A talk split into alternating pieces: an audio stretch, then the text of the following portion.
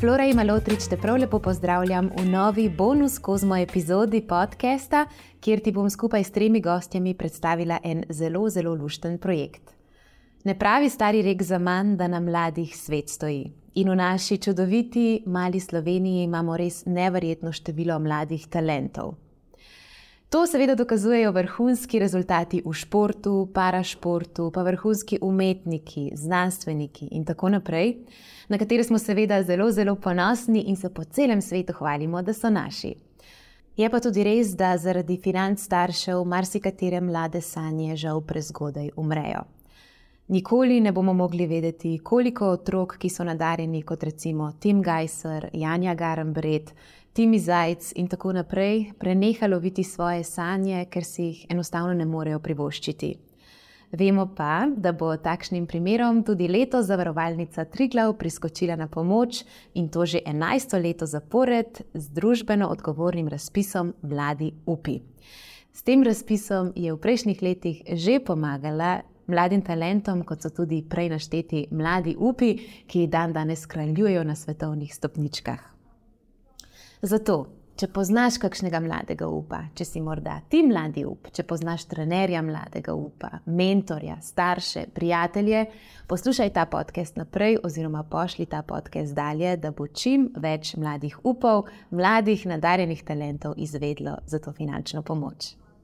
Da pa ti razpis bolje predstavimo, pa so z mano tudi tri čudovite gostje. Z mano je Metoda Debeljak, direktorica službe za razvoj in izobraževanje v zavarovalnici Triglav in tudi članica strokovne komisije Mladi UPI. Z nami je tudi en mladi up iz leta 2019 in sicer vrhunska atletinja Klara Lukan. In pa z nami je tudi Helena Osterman, pomočnica ravnatelja na gimnaziji Ledina in pa dolgoletna članica strokovne komisije Mladi UPI. Triglav že kar 11 leto zapored sodeluje na projektu. Ali bi morda vi na kratko opisali projekt, zakaj ste se ga sploh odločili delati in kaj vam ta projekt predstavlja? Seveda, s tem projektom smo v bistvu želeli podpreti mlade športnike, parašportnike, umetnike in znanstvenike na njihovi poti do svojih sanj. Vemo namreč, da so pač časi so vse zahtevnejši, eh, vrhunski šport, vrhunska umetnost eh, zahtevajo tudi velika finančna sredstva. Včasih so to pokrivali klubi, eh, vsaj v neki meri, ne? danes pa je to vse težje. Zato smo se odločili, da jim finančno pri tem pomagamo. Namreč v družinah potem velika, v bistvu finan, veliko finančno breme ne, pade na družine in um, je težko priti v bistvu do nekih rezultatov brez finančnih sredstev. Um, so pa to mladi ljudje, ki v bistvu še niso zanimivi za sponzorje ne? in ne, ne morejo dobiti toliko sponzorskih sredstev. Uh, zato pač menimo, da je ta finančna pomoč dobrodošla no? in tako se je tudi izkazalo, in zato smo šli v bistvu v ta projekt. Hrati se pa tudi sklada z vizijo zavarovalnice Trigla oziroma z našim poslanstvom, ne? da ustvarjamo varnejšo prihodnost, in mladi so zagotovo tudi del te naše varne prihodnosti, vseh skupaj. Se strinjam. Evo pa, da gremo kar takoj iz uh, teorije na prakso, zaradi tega, ker praksa je v življenju zelo, zelo pomembna. Imamo danes tudi mladi ub z nami in to je Klara Lukan. Klara, tvoji dosežki pred in po mladih upih, kjer si se potegovala leta 2019, dokazujejo, da si zagotovo ena izmed najbolj obetavnih slovenskih atletin. In če bi naštevala vse tvoje zmage, bi bili tukaj do jutri. Bom pa samo povedala, in moram imeti kar plonk listek, ker je tega tako veliko, da si pred štirimi leti usvojila naslov Evropske mladinske prvakinje na 5000 metrov v Borasu, istega leta pa tudi postala Evropska podprvakinja v Krosu med mladinkami v Lizboni. In kljub temu, da si morala zaradi zloma leve noge maja lani izpustiti prejšnjo poletno sezono, si aprila letos zmagala v cestnem teku na 5 km, ki je potekal v sklopu dvodnevnega Dunajskega maratona, no potem pa poleti še postavila državni rekord na 5000 metrov, za kar ti iskreno čestitam. Ampak pojdiva zdaj na začetek. Zakaj si se sploh odločila za atletiko? Kako je prišlo do tega? No, najprej bi se rada zahvalila za povabilo na današnji pogovor. Ja, pa da pomislim. Um, že odkar pomnim, sem zelo rada tekla. Um, zelo dobro se spominjam svojih um, otroških dni, um, ko sem tekmovala v šolskih krosih, in nekako um, čisto naravno je um, prepoznal učitelj športne vzgoje um, moj potencial v teku in tudi potem um, predlagal staršem, da me upišajo v atletski klub. Um, tako da, ja, pri nekje um, desetih letih sem začela uh, s prvimi tekaškimi treningi v, v mojem domačem klubu v Šinterneju. Um, in, ja, in od takrat uh, ustrajam še do danes, um, tako da ohranila sem uh, vso to motivacijo, um, željo po samopremagovanju in ja, res uživam v samem procesu, um, tako da um, nameravam še ustrajati naprej. Super, to nas veseli, ampak kot najstnik gremo čez marsikaj in pridejo tudi prve krize, sprašuješ se, kaj in kako bi v bistvu sploh nadaljeval. Um, kakšen je bil pa tvoj prehod iz amaterske v profesionalno kariero? Si imela kakšne izzive, kaj te je najbolj težil? Um, jaz bi rekla, da je bil sam prehod zelo organski, kajti ni bilo dneva, da bi se jaz kar naenkrat odločila, pa bi rekla, ah, sedaj bom postala pa profesionalka. To je v bistvu šlo zelo postopoma, z, skladno z mojim odraščanjem, razvojem, smo v bistvu povečali tudi število um, treningov, in ja, tako so se um, nekako posledično tudi izboljšali moji rezultati, in uh, potem sem dosegala um, če dalje večje uspehe. Um, in ja, tako je v bistvu um, čisto um, nekako na nek naraven način, bi rekla, da sem naredila ta prehod. Um, nisem, ja, ja, je pa jasno, no, da, da v. v v bistvu športnem udejstvovanju ali, ali pa udejstvovanju na kakšnem drugem področju pride do raznih dvomov, spraševanj. Uh, mislim, da je to čisto človeško. Ampak uh, v tistem trenutku si mora v bistvu človek um, samo nekako ustaviti, um, poglobiti samega vase in v bistvu se vpra vprašati, kaj je tvoj namen, potencial um, v življenju. Um, in ja, če imaš res tisto um, notranjo željo, motivacijo, mislim, da se da vse ovire um, premagati. To je pa res. Kaj pa na začetku, recimo, um, ko greš na več treningov, ko postaje v bistvu tvoj življenjski stil tudi drugačen in najbrž tudi finančno bolj obremenjujoč za tvoje starše? Um, kako si se pa s tem spopadala? Ali si potem zaradi tega našla razpis ali ti ga je kdo drug morda predlagal? Um, ja, sam razpis sem v bistvu videla na socialnih omrežjih, tudi um, zelo dobro bil zastopan na raznih plakatih. Um, pa tudi v, um, že v atletskem svetu sem v bistvu um, videla, da je kar nekaj atletov že prijelo, um, v bistvu je bilo izbranih na tem uh, razpisu Mladi upi, uh, tako da potem me je prijavila uh, mami. Um, in uh, ja, na koncu sem bila zelo hvaležna, vesela, da so me um, prepoznali kot uh, potencialnega uh, uh, mladega upa. In um, ja, definitivno so mi pa um, pridobljena finančna sredstva pomagala na moji športni poti, uh, tudi Potem sem si lažje financirala in priprave, in pri vsakodnevnem trenažnem procesu, fizioterapije, psihološka priprava, prehranska strokovnjakinja. Tako da jaz bi rekla, da mi je to zelo pripomoglo, da sem lahko postaja, postajala če dalje boljša. Potem si v bistvu te, um, finanč, ta finančna sredstva porabila za to, kar si umenila, za fizioterapije, za dodatne strokovnjake. Tako je, res je, res je. Tako da sem v bistvu res lahko napredovala iz sezone v sezono. Odlično. Potem pa se vračamo k metodi. Glede na to, da smo govorili o mladih upih, kakšen pa je v bistvu razpon, kar se tiče let, glede mladih upov? Kdo se lahko prijavi? Kar se tiče let, je pa tako. Se pravi, če govorimo o parašportnikih, športnikih in umetnikih, eh, je v bistvu ta eh, starostni razpon med 16 in 20 letom, uh -huh. za znanstvenike pa med 17 in 21 letom. Zdaj pa še do Helene. Vi ste pa v bistvu v stiku z mladimi praktično vsak dan, je tako? Res je. Kaj pa vi opažate? A se vam zdi, da je vedno več ambicij pri mladih ali ambicije padajo? Jaz mislim, da so mladi vedno ambiciozni bili in tudi so. Kar se je pa spremenilo, po mojem mnenju, je pa to, da enostavno imajo zdaj več možnosti, torej ta okolje ponuja več možnosti in pa mladi so postali proaktivni. Ne čakajo več, da jih bo morda kdo nekega dne opazil, ne? Um, ampak so pripravljeni sami narediti ta prvi korak. Torej, zelo velik fokus imajo, vedno bolj tudi v šolah delamo na tem, da prepozna, znajo prepoznati svoje močne področja in so jih pripravljeni uh, tudi razvijati.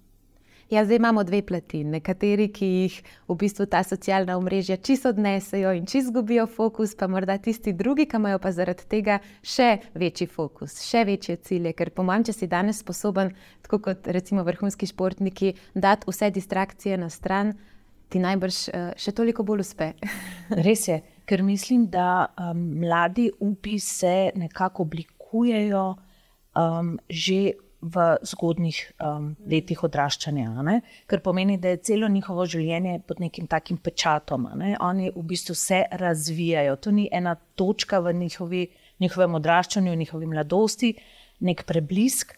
Uh, kar pomeni, da nekako stopnjujejo formo, um, stopnjujejo ambicije, um, in seveda tudi socialna omrežja pri tem pomagajo.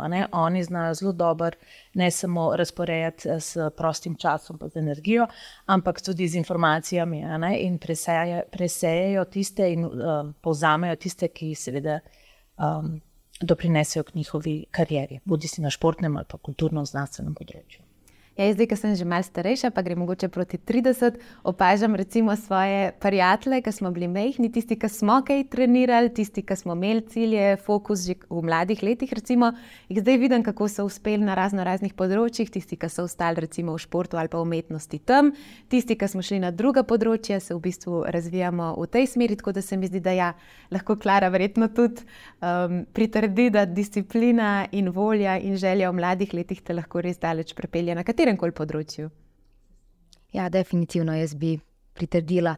Um, kaj ti se mi zdi, da šport ali pa mogoče kakšna druga aktivnost um, da posamezniku um, to um, ciljno orientiranost, naravnanost, samo disciplino in da potem res um, ostane v nekem fokusu in um, sledi svojim ciljem. No. To je najbolj pomembno, tako da si um, določimo cilje in potem temu ustrajno sledimo, in uh, potem slejko prej se trud, ustrajnost se poplačata.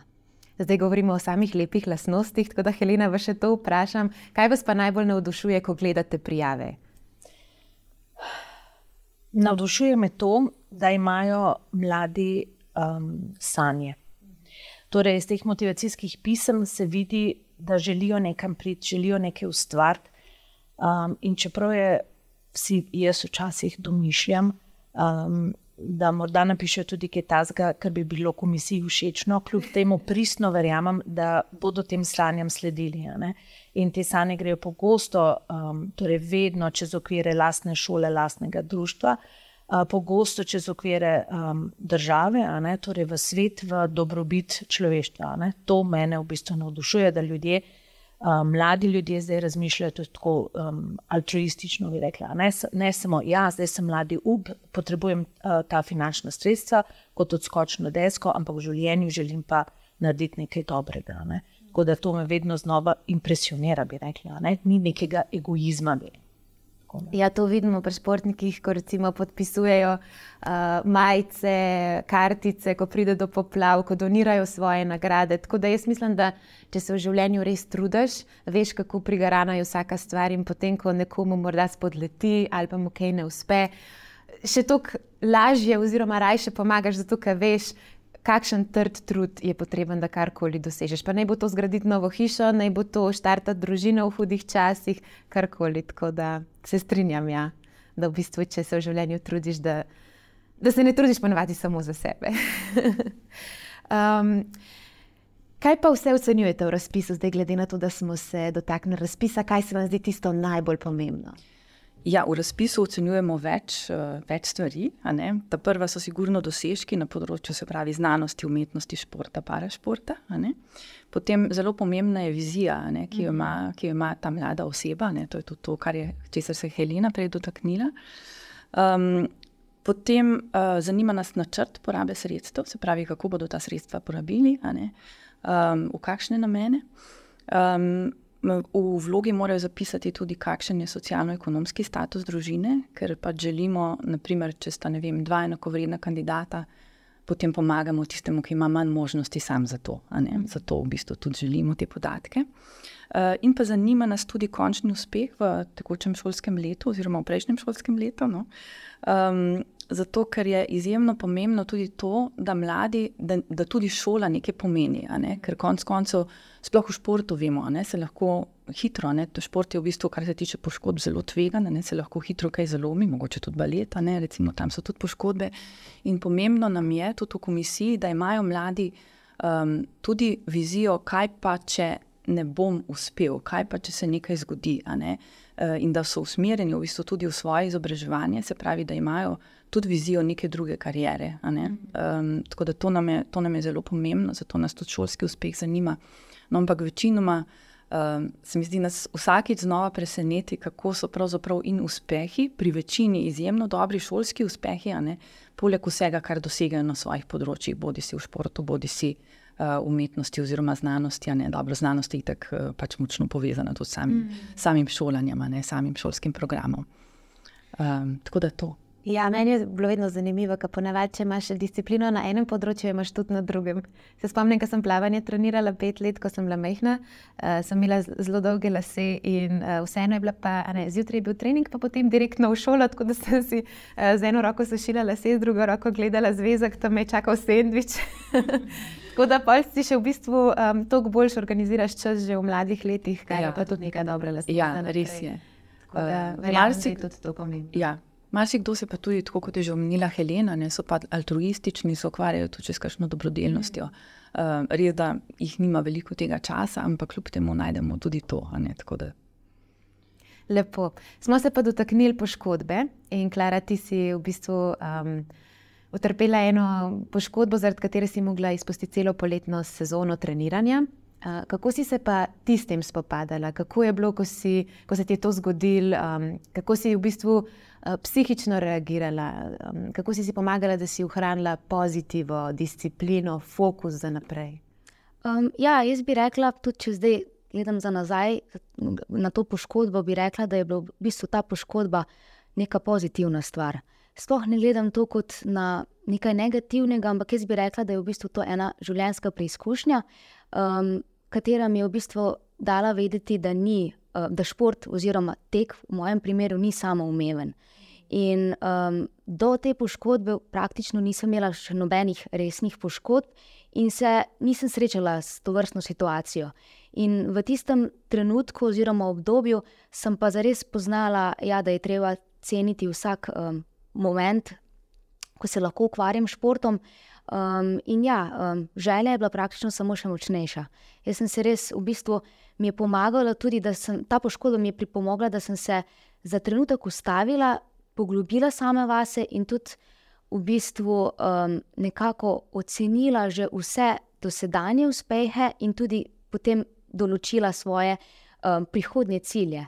Tako da um, definitivno nisem izgubila te iskre um, do, do samega športnega udejstvovanja in sem praktično to poškodbo vzela kot nek izziv, kot življenjski preizkus.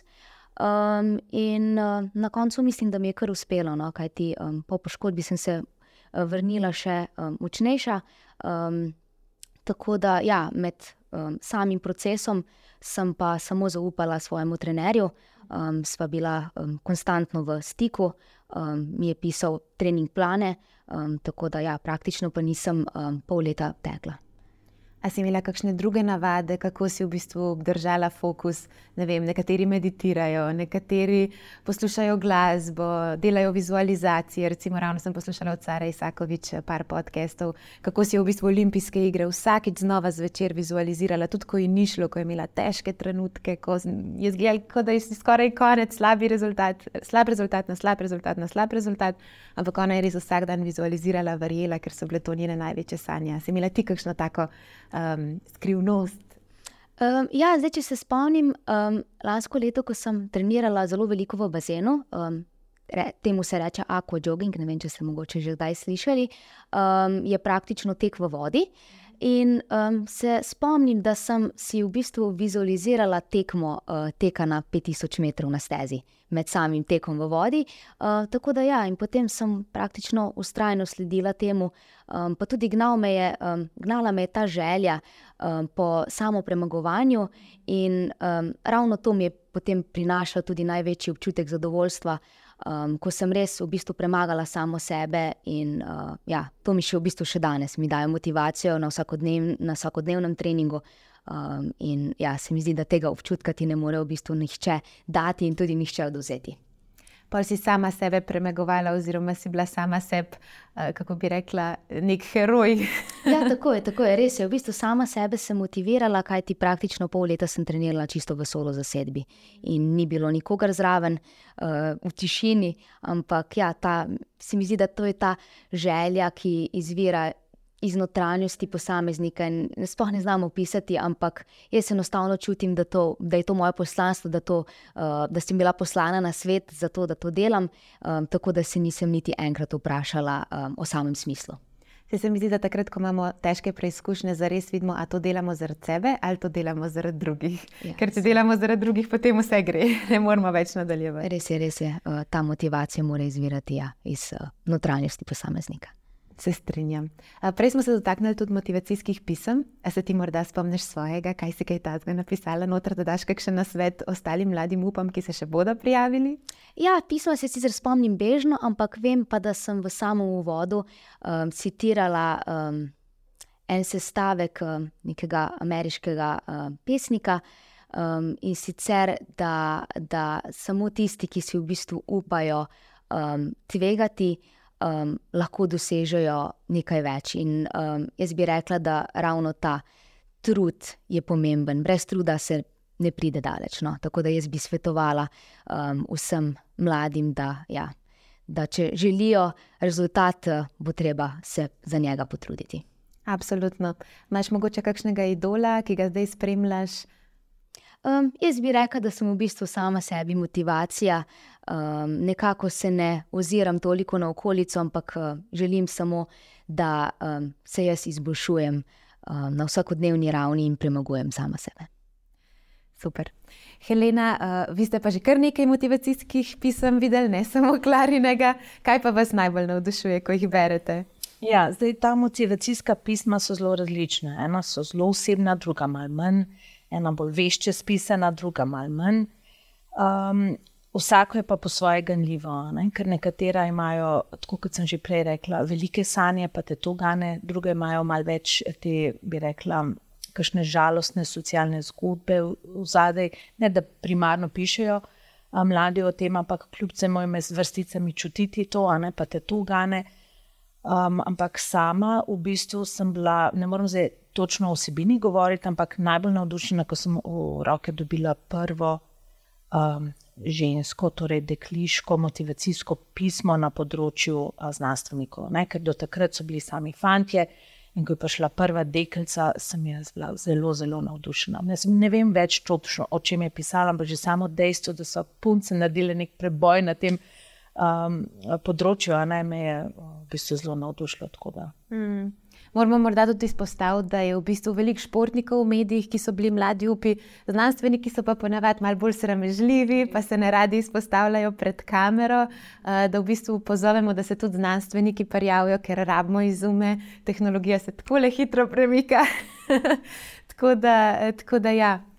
Je. Ja, pri znanstvenikih je vse. Um, dobro, odvisno tudi od športne panoge, ampak pri znanstvenikih je vse to malo bolj tek na daljše proge. Mm -hmm. Prijave, ki jih dobivamo, imajo pogosto en ali pa dva briljantna dosežka za sabo.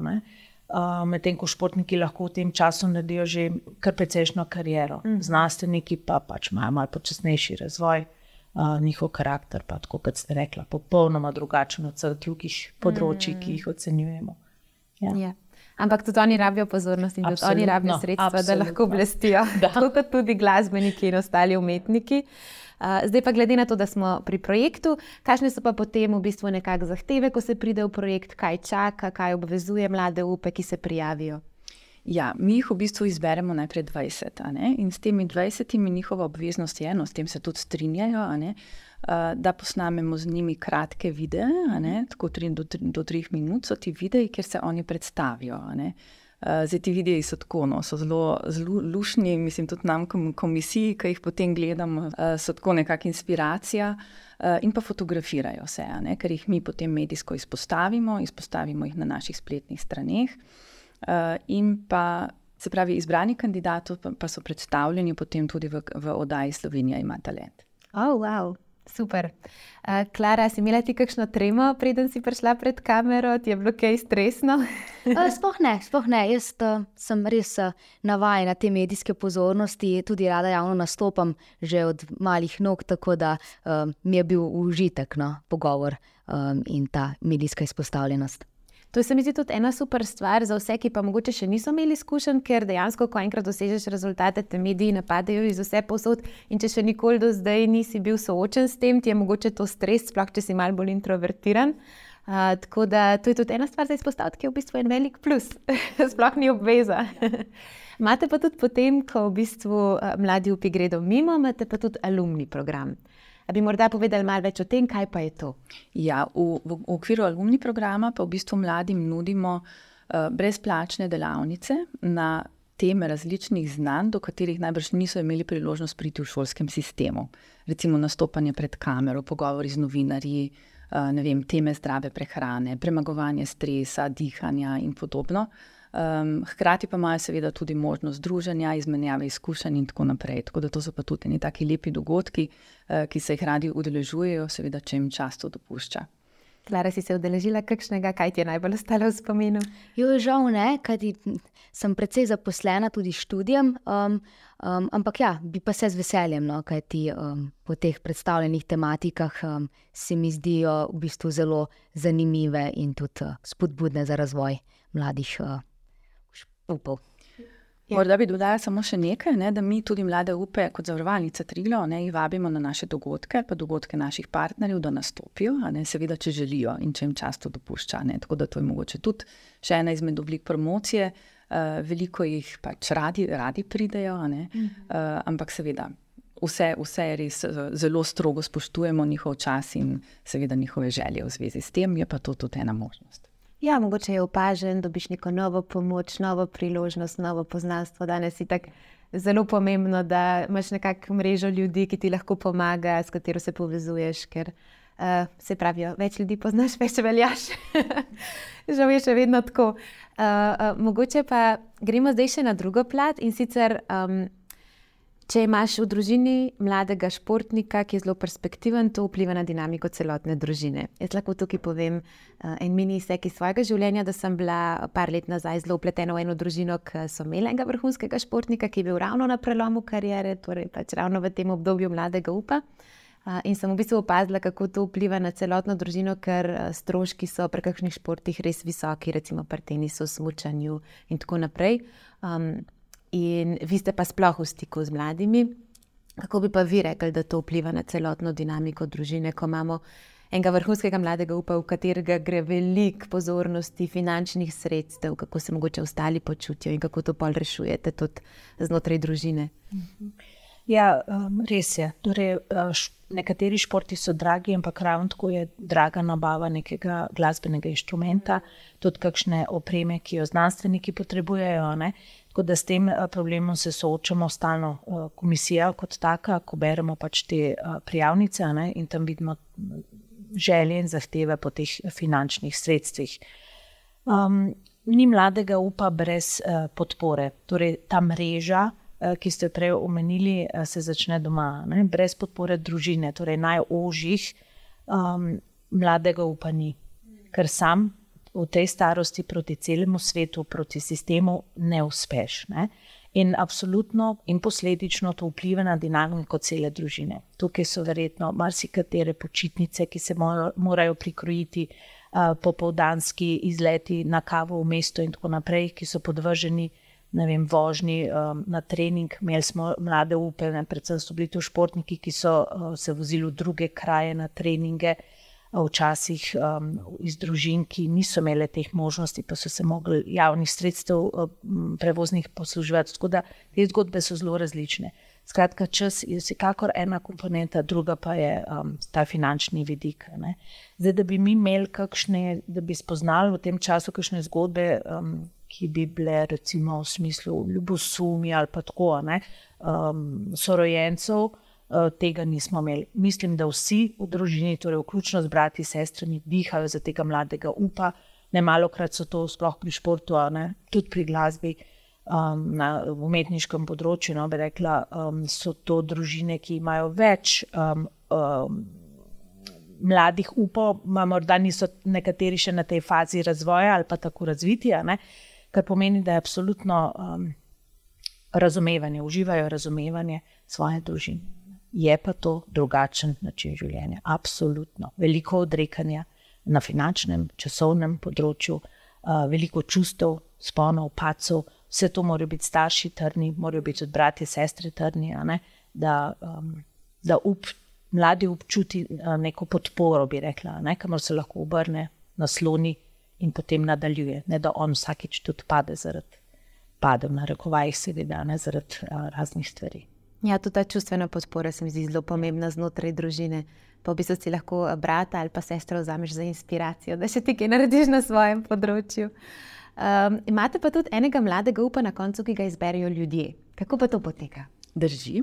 Se pravi, na naši spletni strani, oziroma na spletni strani mladih upov, ne, je odprto glasovanje, kjer lahko potem vem, prijatelji, znanci, kdorkoli, ne glasujejo za mlade upe. Uh, zdaj lahko se zgodi, pač, da je to ista oseba, ne, ki je bila tudi v okviru komisije, ne, mhm. sicer je pa to pač, uh, pač nekdo res po izboru, po izboru publike. Pa še eno vprašanje, ki najbrž večino ljudi zanima, ki to poslušajo. Kakšen je pa finančni okvir, koliko pomoči dobi dejansko potem na koncu? Uh, v bistvu je tako, mi imamo običajno sklad za mlade upe okrog 50 tisoč evrov, uh, na koncu pa izberemo 12 do 13 kandidatov. In se potem to med njih enakomerno porazdeli. Tako. Mogoče uh, povejmo zdaj še časovno, dokdaj je uh, odprt razpis, koliko časa imajo, da se to dogodi. Do 10. oktobra. Do 10. oktobra, ko pa podcast izide, bo pa že odprt razpis. Tako. Odlično. Um, pa mogoče pejmo še za konec na, na te lepe stvari, kaj vas najbolj navdušuje pri projektu, uh, kaj si najbolj zapomnite, zakaj ste sploh zraven. Pa mogoče začnemo z vami. Um, Ja, jaz bi rekla, da za me osebno najsvetlejša točka celega procesa je um, zaključna prireditev. Ko v bistvu uh, vse te vloge, ker pač vseh kandidatov ne vabimo na intervjuje, ne? nekateri imajo tako nedvomno dosežke, da lahko se že na papirju uh, uh, odločimo. Um, ampak ko ta pisma, uh, motivacijska, ko te vloge dobijo obraz, da nisi samo ime na papirju, to se mi zdi en lepših uh, dogodkov. Ko vidiš te mlade, po eni strani tako malo zadrigi, ne, ker so zbrani skupaj neznani ljudje, po drugi strani polni pričakovanja, ker vejo, da se jim je odprla neka nova pot. Um, s to finančno injekcijo bi rekla, ne, pa s tem, ko bodo lahko vedno bolj prepoznavni, ne, ker jim pač uh, nudi projekt. Um, to je za me neprecenljivo. Ne um, en mali adrenalinček, je pa seveda tudi, ko čakam, um, jaz osebno, ko čakam na vloge. Ja? Koliko jih bo, upam, da jih je vedno več, vsako leto, da jih, da jih bo vedno več. In preden dobimo to v roke, in potem, ko se sedeš in pregleduješ te vloge, to je, tist, to je pa tak prijetno adrenalinski trenutek. Upam, da jih bo letos toliko, da boste imeli ogromno dela. Absolutno. si želimo, da tudi mi. Ja. Klara, kakšni so pa tvoji spomini, kaj je najlepša stvar, ki ti je ostala iz projekta? Um, pa jaz bi rekla, da se najbolj spominjam samega snemanja, mi je bilo zelo uh, izjemno zabavno. Um, in pa ja, potem tudi vsega tega um, uh, deljenja po socialnih omrežjih. Um, sem bila zelo vesela, um, da so me prepoznali kot, uh, kot uh, uh, nadarjenega športnika. Um, in uh, ja, glasovanje je bilo tudi um, po svoje malo živčno, nervozno, uh, ko sem potem tudi čakala rezultate, ali bom izbrana ali ne bom. Uh, in ja, jaz bi rekla, da celotna ta izkušnja uh, je bila zelo pozitivna in sem uh, se v bistvu z veseljem um, prijavila na razpis in potem bila seveda tudi zelo vesela same nagrade in izbora. Imaš kakšen nasvet za bodočega mladega upa? Um, jaz bi mladim svetovala samo naj um, ostanejo zvesti sami sebi, um, naj zaupajo v svoje sposobnosti, ohranijo um, to neko um, prizemljenost, skromnost. Um, in pa predvsem je pa pomembno, da uživajo v samem procesu. Se mi zdi, da to je pa najbolj, najpomembnejša stvar, da človek uživa v tem, kar dela vsak dan um, in to je v bistvu potem ključ do nekega uspeha in tudi uh, osebnega zadovoljstva. Se mi zdi, da si top recept povedala. Uh, mogoče še največja ambicija, tvoje največje sanje znotraj karijere, da bomo imeli tukaj na videu tvoj izsek in potem, ko boš dosegla, bomo to objavili. Pa gledajte, kaj je povedala. A, jaz vas moram razočarati, ker um, v bistvu nimam te neke največje ambicije. Jaz bi samo rekla, da um, je moj največji cilj, da izkoristim svoje potencijale in pa um, da se ob tem še zabavam zraven. In vidiš, kam te življenje tako, tako. In se bom res prepustila toku življenja, in uh, bom potem videla, kaj bo to prineslo za sabo. Imáš potem take male cilje. Tako, tako v bistvu si ustvarjam neke mikrocilje na vsakodnevni ravni, in sem potem um, izjemno zadovoljna in srečna, ko jih um, dosegam sproti. Ja, pravijo, da so pričakovanja zibelka razočarana, tako da mogoče je pa bolj, da se samo prepustiš, pa delaš najboljše, kar lahko. Kaj pa vam najlepša stvar, vi ste pa že od začetka v projektu, vi spremljate to od blizu in od daleč. Eh, kaj vam najbolj ostane v spominu? Ja, po eni strani je res čudovit ta občutek, da smo v bistvu del, ne, del uresničitve sanj uh, mladega človeka. In da potem pravzaprav nekateri res zrastejo v svetovno znana imena. Eh, na katero niso ponosni samo vem, svojci, sami, vem, širša družina, ampak celotna Slovenija, ne, da v bistvu ponesejo Slovenijo v svet. In lep je ta občutek, da smo v enem delu zgodbe, ne mi bili zraven. Eh, po drugi strani pa sama, tako osebno, neizmerno uživam v teh razgovorih, ne, ki jih je omenila Helena. Mi z mnogoterimi opravimo razgovore. In čudovito je spoznavati te mlade, nadarjene ljudi in um, videti, kako so pravzaprav odgovorni, uh, čemu vse se odrekajo, kako so v bistvu, uh, glede na svoje rosno leta, pravzaprav odrasli. Uh, tako da ti mladi ljudje so meni res, res so mi navdih. Ja, se strinjam. Skratka, dragi mladi upi, razpis je zunaj. Pomoč vas čaka.